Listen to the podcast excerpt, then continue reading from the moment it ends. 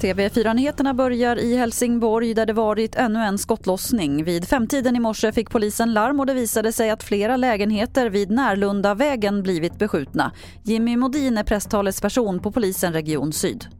Eh, vi kom till platsen och kunde ganska snabbt konstatera att det varit en skottlossning eh, som har riktats mot eh, ett lägenhetshus där åtminstone två lägenheter har, skott, har träffats av skott. Det är inga personer som har kommit till skada i samband med den här skottlossningen men åtminstone två lägenheter har skadats i samband med det. Och så sent som igår morse avled en man i 40-årsåldern efter en skottlossning i Helsingborg. Men polisen säger att det är för tidigt att säga något om något samband.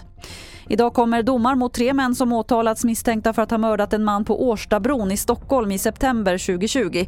En 21-åring och en 28-åring ska enligt åtalet ha stämt träff med offret och sen skjutit honom. Och en 30-årig man som beskrivs som en högt uppsatt person i kriminella nätverk misstänks också ligga bakom mordet.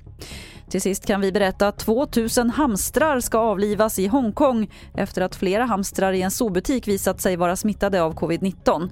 Enligt myndigheterna finns det inget som tyder på att hamstrar eller andra sällskapsdjur kan smitta människor men det handlar om en försiktighetsåtgärd menar de. Fler nyheter finns på tv4.se. Jag heter Lotta Wall.